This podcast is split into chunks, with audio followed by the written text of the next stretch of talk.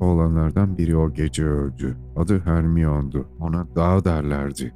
14'ünde sınıftakiler, hatta daha büyük sınıftakiler kadar kuvvetliydi. Fakat susuz ve yorgunluğa yenik düşmüştü. İkinci nöbetin sonuna doğru yere düştü. Spartalıların nekrofania, küçük ölüm dedikleri baygın ve çırpınmalı bir kendinden geçişti bu. Kendi haline bırakılır sayılabilir fakat ayağa kalkmak ya da çaba sarf etmek isterse ölürdü.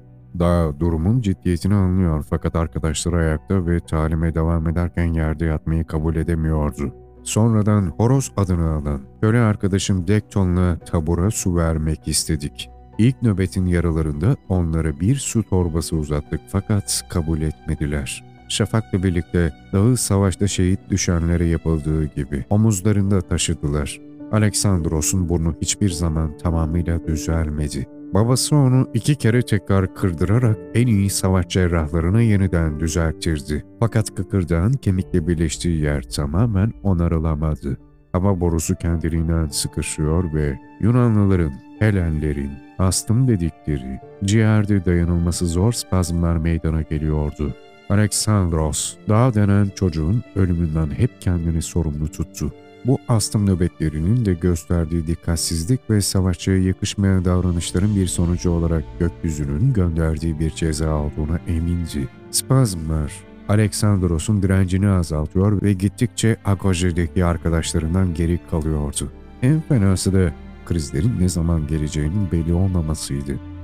Dakikalarca kendine gelemiyor, hiçbir şey işe yaramıyordu. Onun üstesinden gelmezse erkekliğe eriştiğinde bir savaşçı olamazdı vatandaşlığı elinden gider. Utanç içinde yaşamaya devam eder ya da onurunu korur. Yaşamına son verirdi. Çok kaygılanan babası tekrar tekrar kurbanlar aramış. Hatta Fethiye'ye danışmak için Delphi'ye adamlar göndermişti. Daha da kötüsü, oğlanın kırık burnu için Polinikes'i söylediklerine karşın Aleksandros güzelliğini kaybetmemişti. Sorunun zorlukları da garip bir şekilde şarkı söylemesini zorlaştırmıyordu. Öyle görünüyordu ki bu krizlerin nedeni fiziksel değil yalnızca korkuydu. Spartalıların faboloji, korku bilimi dedikleri bir bilim dalı vardır. Öğreticisi olarak Dinekes, akşam toplantısından sonra ve gün doğmadan birlikler kurban zamanı için toplandıklarında Aleksandros da bu konuda özel olarak çalışıyordu. Foboloji disiplini 28 egzersizden oluşur. Her biri sinir sisteminin ayrı bir bağlantısıyla ilgilidir. İlk beşi dizler, baldırlar, ciğerler ve kalp, bacaklar ve bağırsaklar, belden aşağı kısımları. Özellikle boynu omuzlara bağlayan trapezus adaleleri. İkinci bağlantı yüzdür. Lakonyalıların boyun ve göz çukurlarının çevresindeki adalelerle ilgili 12 egzersizleri daha vardır. Spartalıların Phobos Teres dedikleri bu bağlantılar korku toplayıcılardır. Foboloji biliminin öğrettiğine göre korku bedende döllenir ve onunla burada mücadele edilmektedir. Çünkü beden buna yakalandığında bir foboklos ya da korku halkası kendini beslemeye başlar ve bir dehşete dönüşür. Spartalılar beden afobia yani korkusuzluk haline getirilince düşüncenin de onun izleyeceğine inanırlar. Şafaktan önceki yarı aydınlıkta Dinekes Aleksandros'la yalnız çalışıyordu. Çocuğun yüzüne bir zeytin dalıyla hafifçe dokunuyordu. Trapez adareleri kendiliğinden kasılıyordu. Korkuyu hissediyor musun? Adamın sesi tayını terbiye eden hoca gibi yumuşaktı. Şimdi omzunu indir. Çocuğun yanağını tekrar dokundu. Bırak. Korku gitsin. Hissedebiliyor musun? Adamla çocuk saatlerce gözlerin çevresindeki oftalmomyes, baykuş adeleleri üzerinde çalışıyorlardı. Bunlar Dinekes'in Aleksandros öğrettiğine göre en güçlüleriydi. Çünkü Tanrı bilgeliğiyle insanların en etkili savunma refleksinin görme yeteneklerinin olduğundan onların korunmasını sağlamıştır. Dinekes adeleler kasıldığında yüzüme bak dedi ve gösterdi. Bu neyi ifade eder diye sordu. Poposu korkuyu diye cevap verdi. Disiplin teorileriyle yetişmiş olan Dinekes yüz adalelerini gevşetti. Şimdi bu neyi gösteriyor? Ah, fobia. Korkusuzluğu. Dinekes bunu yaptığında kolay gibi görünüyordu. Öbür çocuklar da egzersizlerinde buna çalışıyor ve başarılı oluyorlardı. Fakat Aleksandros'a disiplinle ilgili hiçbir şey kolay gelmiyordu. Bir tek Kore'ye çıkıp tek başına Cimnafedia'da ya da başka çocuk festivallerinde şarkı söylediğinde kalbi korkusuzca çarpıyordu. Belki onun gerçek koruyucuları, esin perileriydi. Yine kez Aleksandros'a, onlara Zeus'a ve Mnemosyne'ne kurbanlar verdi. Agate, Aristo'nun güzel kız kardeşinden biri Polymnia'ya bir muska yazdı. Aleksandros onu kalkanının iç kısmındaki çapraz demirlerde asılı olarak taşıyordu. Yine kez şarkı söylemesi için Aleksandros'u yüreklendiriyordu. Tanrılar, korkuyu yenmek için her insana bir yetenek verir. Yine kez Aleksandros'unkinin sesi olduğundan emindi. Sparta'da iyi şarkı söylemek savaş kahramanlığıyla neredeyse eşitti. Aslında Fabolojiya disiplini içinde yürek ve ciğerler birbirine çok yakındır. Bu yüzden Lakonyalılar savaşa giderken şarkı söylerler. Onlara gırtlaklarını açıp havayı içlerine çekmeleri, korkudan sıkışan ciğerlerini çalıştırmaları öğretilir. Şehirde iki koşu pisti vardı. Küçük pist cimnasyonla başlar. Athena'nın alt tarafındaki Konaora yolunu izler. Büyük pist 5 köyü dolanıp Amiklai'yi geçtikten sonra Yakentian yolundan Kaygetos sırtlarına ulaşır. Aleksandros kurban törenlerinden ve akşam yemeğinden sonra büyük pisti çıplak ayakla 6 mil koşuyordu. Köle aşçılar ona gizlice fazladan yiyecek verirlerdi. Sessiz bir anlaşmayla kendi boğasındaki çocuklar onu talimlerde korurlardı. Nefesi tıkanıp koşamayınca ceza verileceğini bildiklerinden ona yardım ederlerdi. Alexandros bundan gizli bir utanç duyar, daha büyük bir çaba gösterirdi. Her türlü mücadele biçiminin geçerli olduğu talimlere katılmaya başlamıştı. Bu talimlerde yarışçı tekme atar, ısırır, göz oyar. Yani pes etmektense her şeyi yapardı. Alexandros, Tireyi su yolunda Pankratist torbalarıyla mücadele ederek koşuyor, engeller atlıyor. Yumruklarıyla çalıştırıcının kum torbalarına vuruyordu. İnce elleri yaralanmış, üstleri yarılmıştı. Burnu tekrar tekrar kırılmıştı. Kendi birliğinden ve başka birliklerden çocuklarla ve benimle dövüşüyordu. Ben hızla büyüyordum. Ellerim gittikçe kuvvetleniyordu. Alexandros'un yaptığı her atletik hareketi ondan daha iyi yapıyordum. Dövüş yerinde ona zarar vermemek için daha da gayret ediyordum. Benden nefret etmesi gerekirdi ama bu ona göre değildi. Fazladan aldığı yiyecekleri benimle paylaşıyor, ona sert davranmadığım için kamçılanmamdan korkuyordu. Saatlerce gizli gizli esoterik ve harmonia hakkında konuşuyorduk. Bu faboloji egzersizleriyle erişilecek bir kendine sahip olma haliydi. Hithera'nın tek bir telinin o doğru noktayı çıkardığı gibi bir savaşçıda ruhundaki fazlalıkları atıp kendi daimonun gösterdiği en doğru sese yönelmelidir. Bunu başarabilmek Lakonya'da savaşta gösterilen korkusuzluktan da öte bir şeydir. Bir vatandaşın ve bir erkeğin erişebileceği en büyük Andreya yani erdemdir eksotrike harmonia vardır. Bu insanın arkadaşlarıyla uyum içinde hareket etmesidir ve tıpkı çok telli bir müzik aletinden ya da bir korodan çıkan seslerin birbirleriyle uyumu gibidir. Savaşta eksotrike harmonia, ordunun tek düşünce ve azimle, tek insan gibi hareket etmesini sağlar. Aşkta karıyla kocayı, sevgiliyle sevgiliyi birleştirir. Politikada eksoterike harmonia, birlik ve beraberliğin hüküm sürdüğü bir şehir yaratır. Bu şehirde her insan kendi soylu karakterini korur. Bunu başkalarıyla paylaşır ve Hitteria'nın tellerinin müziğin matematiğine uyduğu gibi ulusunun kanunlarını itaat eder. Dinde eksoterike harmoniyanın tanrıların kulaklarına çok hoş gelen o sessiz senfoniyi getirir. O yazın ortalarında Antirhiyonyalılarla bir savaş yapıldı. Ordunun 12 lokoisinden 4'ü silahlandı. Bunlara yardımcı kuvvet olarak kendi esas alaylarıyla birlikte dağ korucuları, Kiritailer katılıyordu. İlk 10 yaş grubundan 2800 asker toplandı. Bu azımsanacak bir kuvvet değildi. Kralın kendi kumanda edeceği, hepsi Lokonyalılardan oluşan bir ordu. Yalnızca savaş alanı yarım mil uzunluğundaydı. Bu Kleomenes'in ölümünden sonraki ilk tam donanımlı seferberlik oluyordu. Leonidas da üçüncü kez bir savaşa kral olarak kumanda ediyordu. Polinikes kral muhafızlarının bir şövalyesi olarak Olympius avcı taburuyla Dinekes'te bölük komutanı olarak gidecekti. Melez arkadaşım Dekton bile kurbanlık hayvanlara çobanlık yapmak için çağrılmıştı. Aleksandros'un büyüklerinden bir şeyler öğrenmek üzere şarap kolu taşıyıcısı ve sunucusu olarak hizmet ettiği Dekalyon sofrası mensuplarıca 40 ile 60 yaş arası en yaşlı 5 kişinin dışında çağrılmıştı. Aleksandros gitmek için 6 yaş küçük olduğu halde bu seferberlik onu iyice bunalıma sokmuştu. Sanki hemen patlamaya hazır bir hava esiyordu. Bir akşamüstü yemekhanenin arkasında her nasılsa Aleksandros'la aramızda bir her şey dahil maçı başladı. Çevremizde toplandılar. Hareket tam istedikleri şeydi. Dinekes'in sesini duyuyordum. Havayı kızıştırıyordu. Aleksandros çok ateşliydi. Çıplak elle dövüşüyorduk. Küçük yumrukları süratli bir ok gibi yüzüme iniyordu. Şakağıma sıkı bir tekme.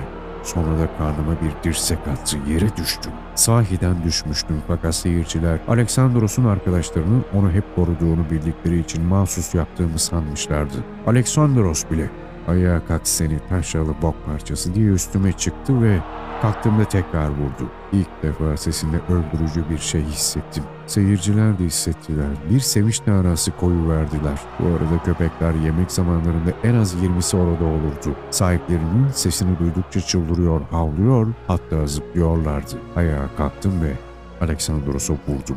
Kalabalığın tahrikiyle büsbütün şiddete kapılmasına karşın onu kolayca yenebileceğimi biliyordum. Yumruğumu kimse görmeden biraz geri çekmeye çalıştım ama gördüler. Çevremizde bir halka oluşturan kalabalıktan bir öfke avazı çıktı. Adamlar kulaklarıma yumruk atıyorlardı. Dövüş onunla seni küçük serseri. Köpekler sürü içgüdüsüyle neredeyse kendilerini kaybedecek hale gelmişlerdi.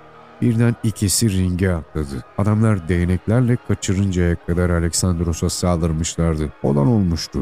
Aleksandros'u bir akciğer spazmı yakaladı. Boğazı tıkanmıştı, boğuluyordu. Yumruğum havada kaldı. Sırtıma bir değnek indi. Vur ona! diye bağırıyorlardı. Vurdum. Hadi! Vur ona! Vur ona! Aleksandros bir dizinin üstüne çöktü. Ciğerleri donmuştu, çaresizdi. Yumruklu onu seni Bir arkamda biri bağırıyordu. Bu dine kesti. Kamçısı üstüme öyle bir şakladı ki dizlerimin üzerine çöktüm. Seslerin çılgınlığı bütün duyguları aşıyordu. Hepsi Aleksandros'u temizlemem için bağırıyorlardı. Bu ona öfke duyduklarından değildi. Benim tarafımı da tutmuyorlardı. Ben umurlarında değildim. Onun kendisi içindi ona bir ders vermek içindi. Bir savaşçı olarak yerini alabilmesi için onu bir kaya parçası gibi sertleştirip daha görebileceği on binlerce dersin birincisinin acısına katlanmasını istiyorlardı. Aleksandros bunu biliyordu. Çaresizliğin verdiği güçle soluk almaya çalışarak kalktı. Boğa gibi saldırdı. Sonra darbesini hissettim. Bütün kuvvetimle vurdum. Aleksandros yerine döndü ve yüzü koyun yere kapaklandı. Ağzının kenarından kan ve tükürük akıyordu. Orada yatıyordu, ölü gibi hareketsiz. Adamların sesleri birden kesildi. Yalnızca köpekler çılgınca bağırışlarını sürdürüyorlardı. Ünekes yardımcısının yanına gitti ve kalbini dinlemek için diz çöktü. Baygın olduğu halde Aleksandros soluk almaya başladı. Ünekes eliyle çocuğun ağzındaki tükürükleri sildi. Ne diye bakıyorsunuz? Bitti. Onu rahat bırakın. Ertesi sabah ordu Antrion'a yürüdü. Leonidas önde gidiyordu. Tam donanımlıydı. Kalkanı kolunda. Başında çelengi ve tüysüz, sade miğferi. Kızıl pelerininin üzerindeki savaş çantasının tepesinde duruyor. Özenle taranmış çelik rengi saçları omuzlarına dökülüyordu. Çevresinde muhafız şövalyeler. En başta onun mevkinde Polinikes, altı olimpiyat şampiyonu ile birlikte yürüyordu. Ciddi, sessiz ve sert adımlarla yürümüyorlardı. Rahatça, konuşarak, birbirleriyle ve yolun kenarından gelen aileleriyle, dostlarıyla şakalaşarak yürüyorlardı. Leonidas'ın kıyafeti öyle gösterişsiz, hali öyle umursamazdı ki, yaşı ve onurlu mevkii hesaba katılmazsa sade bir piyade askeri sanılabilirdi. Ancak bütün şehir halkı biliyordu ki bu yürüyüş ve komutasındaki diğer ikisi onun, yalnızca onun isteğiyle yapılmıştı. Nedeni kralın ileride geleceğini bildiği Pers istilasıydı. Belki bu yıl değil, beş yıl sonra da değil ama gelmesi kesin ve kaçınılmazdı. Rion ve Anfrion ikiz limanları Korint Körfezi'nin batı girişine hakimdi. Bu yol Peloponnes ve tüm ordu Yunan'ı tehdit ediyordu. Lyon yakındaki liman. Zaten Sparta'nın egemenliğindeydi. Müttefikleriydi. Fakat Boğaz'ın karşı yakasındaki Altrion uzak duruyor. Laponya gücünün kendisine erişemeyeceğini düşünüyordu. Leonidas ona hatalı yolda olduğunu göstermek niyetindeydi. Onu hizaya getirecek. Körfezi kapatarak orada Perslerin Hellas'a denizden hiç değilse kuzeybatıdan saldırmasını önleyeceklerdi. Alexandros'un babası Olympius, yanında 50 yaşındaki yardımcısı Meriones'le beraber yaban zeytini alayının başında yürüyordu. Bu iyi insanın kar gibi beyaz ve gür bir sakalı vardı. Alexandros'la kız kardeşleri küçükken sakalının içine küçük hediyeler saklar. Onlara sürpriz hediyeler çıkarırdı. Yine aynı şeyi yaptı. Yolunun kenarına çıkarak Alexandros'un eline demirden yapılmış ufacık bir kalkan koydu. Meriones oğlunun elini sıktı ve göz kırparak yürüyüşüne devam etti. Ben de Helenion'un önündeki kalabalığın içine Alexandros ve talim taburlarından diğer çocuklarla beraber duruyordum. Kadınlar, çocuklar, bütün şehir, Akasyalarla söğütlerin altında toplanmışlar. Kastor'u ilahiler okuyarak onları uğurluyorlardı. Askerler, kalkanları, mızrakları, kırmızı pelerinlerinin üstüne parlayan miğferleriyle gidiş yolunda ilerliyorlardı. Yardımcıların şimdi gösteriş olsun diye taşıdıkları savaş çantaları ve zırhlarının hepsi mızrak ve kılıçlar dışında ordu kuzeye doğru gidip o tozlu tırmanışa başlayınca omuzlara vurulacaktı. Dünekes yanında yardımcısıyla intihar ve Herakles'in Lokes bölüğünün başında gözüktüğünde Aleksandros'un o güzel yaralı yüzü bir maske gibiydi. Esas bölükler topluluğu yürüyüp geçti. Her toborun önünde ve arkasında levazımcıların, ihtiyaç malzemesi taşıyan yük hayvanlara gidiyordu. Köle çoban çocukları bunları değnekleriyle güle oynaya gidiyorlardı. Arkadan bir toz bulutu içinde silah arabaları, bunlardan sonra yağ kapları, şarap testileri, incir, zeytin, pırasa, soğan, nar çuvalları yükleyecek arabaları geliyordu. Altlarına asılı tencereler, kelepçeler, tavalar, katırların yürüyüşleriyle birbirlerine çarpıyor, çaklayan kırbaçların, gıcırdayan tekerleklerin, dingillerin ve askerlerin ağız dalaşlarının neden olduğu kaba gürültünün içinde bir müzik katıyordu. Erzak taşıyıcıların arkasından portatif demir ocakları, silahçıların takımları, yedek sipos kılıçları, zıpkınlar, mızraklar, yüklü arabalar geliyordu. Köle akıncılar, köpek derisi başlıkları ve önlükleri, kollarında demir yanıkları, arabaların yanlarında tozun içinde en arkadan yürüyorlardı. Köle çocuk çobanlar, boynuzları sarıklı kurbanlık keçi ve koyunları getiriyorlardı başlarında dekton, tozdan daha şimdiden kirlenmiş beyaz kilise giysisiyle yürüyordu. O da yem ve iki yanında iki horoz kafesi yüklü bir eşeği gülüyordu. Önümüzden geçerken her zaman ciddi ve saygılı olan yüzünde hafif bir küçük görme ifadesi belirdi. O gece derin bir uykudayken biri beni sarsarak uyandırdı. Bu Aleksandros'a Spartalı Polimnia'ya adanan uğur takısı yapan kız Agathe'ydi. Agoje'nin uykuda olan ve nöbet tutan diğer gençlerinin duymaması için yavaşça kalk diye fısıldadı. Çevreme bakındım. Yanımda uyuyan Aleksandros gitmişti. Çabuk ol. Kız karanlığa daldı. Ben arkasından hızlı ilerledim. Karanlık sokaklardan geçerek iki gövdeli Dioskuri, ikizler dedikleri ağacın olduğu yere tam küçük pistin başladığı yere geldik. Aleksandros oradaydı. Gizlice alayından kaçmıştı. Yakalanırsak bu ikimizin de acımasızca kamçılanması demekti. Orada sırtında pais pelerini ve savaş çantalarıyla duruyordu. Karşısında annesi Lady Faralia ve ikiz kardeşi ve erkek köleler vardı. Aralarında sert bir şekilde konuşuyorlardı. Alexandros ordunun peşinden gitmek niyetliydi. Gidiyorum diyordu. Beni hiçbir şey durduramaz. Alexandros'un annesi onu vurup yere indirmemi istedi. Avucunda bir şeyin parladığını fark ettim. Bu onun ziyelesiydi. Bütün çocukların taşıdığı horak biçimindeki silah, çocuğun gözündeki o acımasız bakışı kadınlar da görmüşlerdi. Bir an herkes donuk kaldı. Durumun gittikçe kötü bir hal aldığını ve çocuğun sarsılmaz kararlılığı meydandaydı. Annesi önünde doğruldu. Lady Farelia oğluna hiç öyleyse dedi. Benim de onunla birlikte geleceğimi söylemesine gerek yoktu tabii. Döndüğünde kırbaçlanırken Tanrı yardımcın olsun dedi.